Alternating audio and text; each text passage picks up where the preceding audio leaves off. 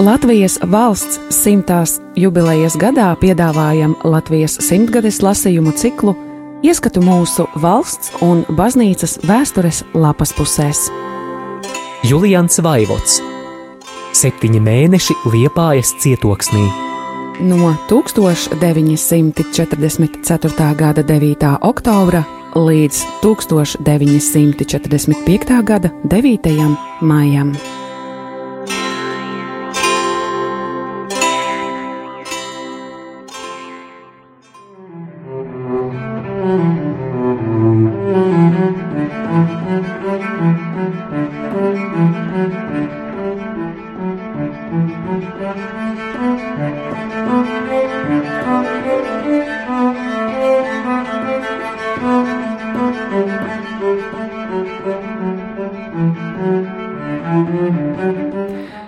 1945. gada 19. februārī.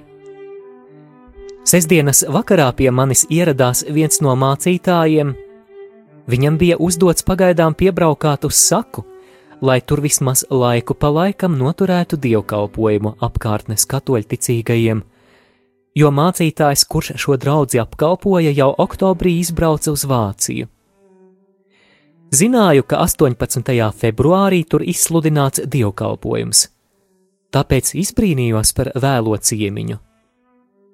Vēl savādāk izlikās, ka viesis gandrīz reizē ar sasveicināšanās vārdiem paziņoja, ka šodien visu dienu nekā nesot ēdis. Pie tam vēl piedzīvojis kaunu, jo nu pat nākot no aresta telpām. Dzirdēju, ka kāds luterāņu mācītājs pagājušajā rudenī bija apcietināts, bet par mūsējiem neko līdzīgu vēl nebiju dzirdējis.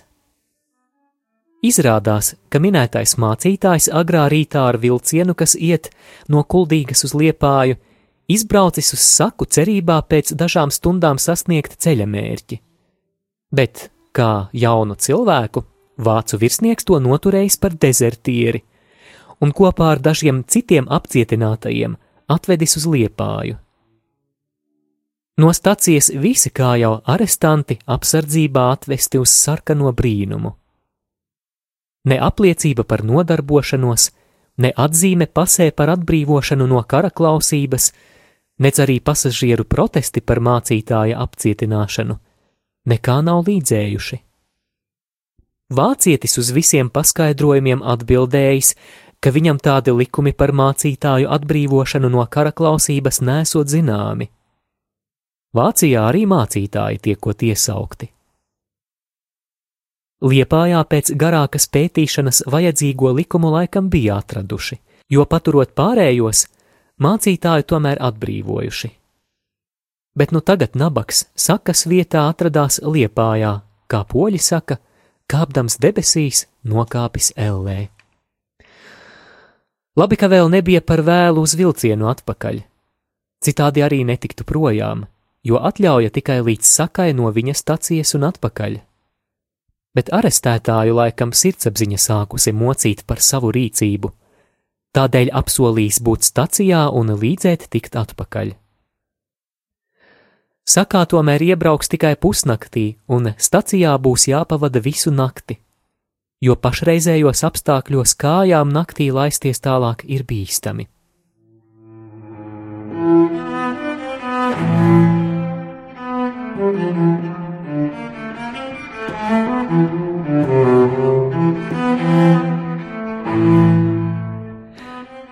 Tomēr ar šo vienu upuri sakai vēl nav pieticis, un par to atkal cits stāsts. Pašā pēdējā laikā radās iespēja nozīmēt sakas katoļu draudzēji pastāvīgu mācītāju, kurš apmeties kaut kur aiz aizputes, un šis arī gribējis uz pirmo gavēņa svētdienu tikt savā jaunajā darba vietā.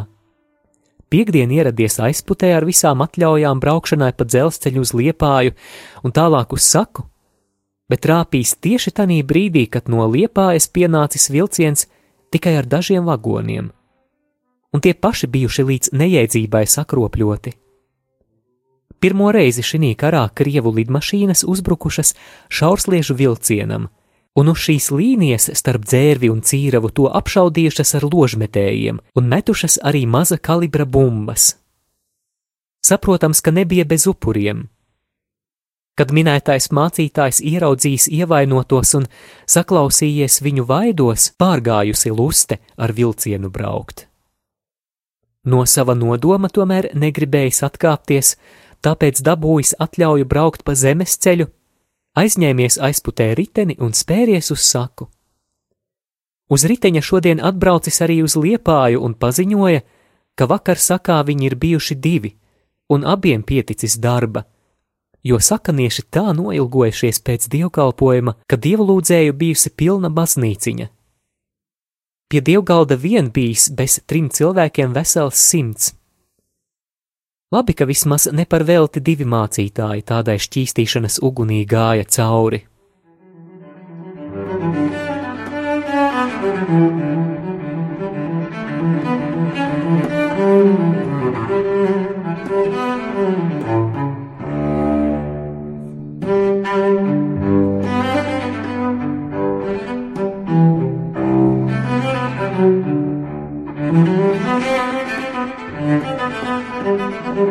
945. gada 20. februārī Varietas delektat hominem Dažādība cilvēkam patīk, teica seno romiešu sakām vārds.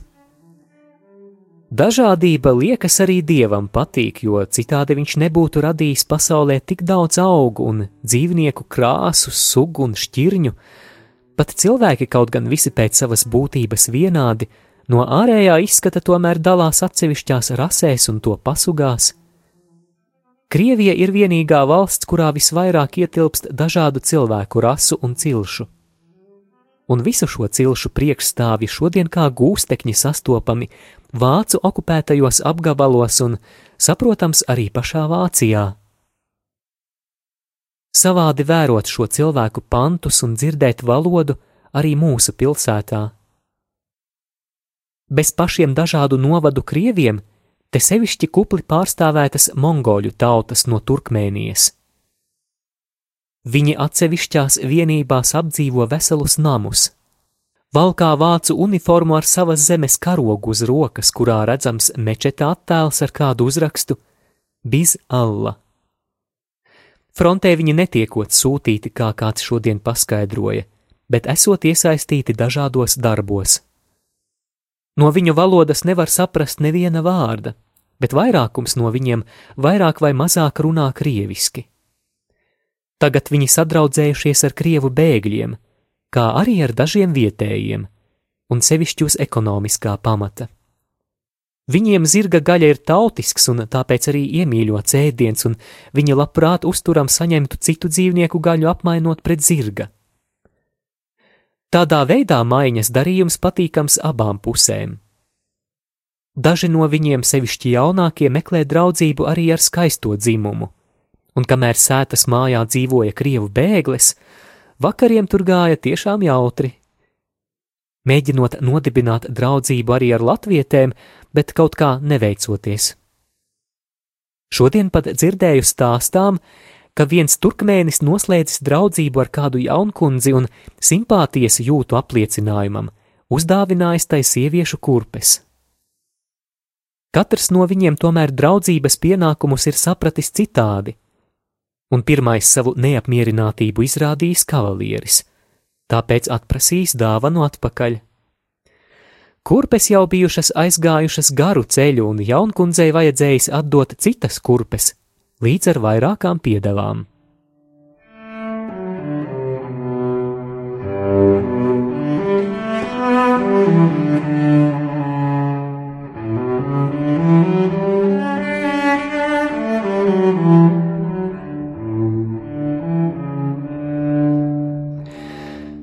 Grūta saprašanās valodas ziņā bieži noved pie kurioziem pārpratumiem.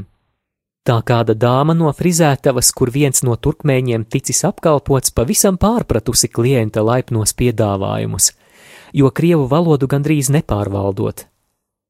Piedāvājumu vodku piķi gan pareizi sapratusi, bet, kad viņai piedāvāts paguļaķis, Tad viņa pavisam apvainojusies, jo domājusi, ka tas uzreiz jau uzbāžoties ar priekšlikumu pagulēt.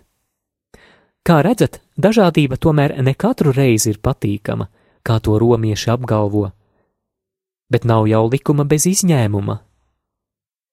Dažādība valodas ziņā var radīt ne tikai pārpratumus, bet pat lielas nepatikšanas. Tā kādreiz latvietis Ormanis vedis krievu, kurš baidījies ātras braukšanas. Latvieša bēris pa labu lauku ceļu bijis priecīgs rikšotājs. Krievam paliek bail, un tas sāk ormanim saukt pa malu, kas ir lēnām, bet latvietis neprastams krievu valodu, pagriezis zirgu ceļa malai tuvāk un braucis vēl ātrāk.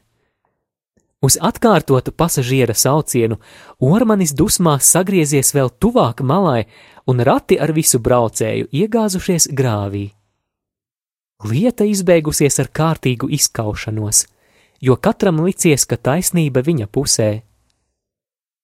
Taisnība tiešām katrā pusē, jo katram sava valoda. Tādiem piemēriem vārds - leģions. Un kas tos var visus uzskaitīt?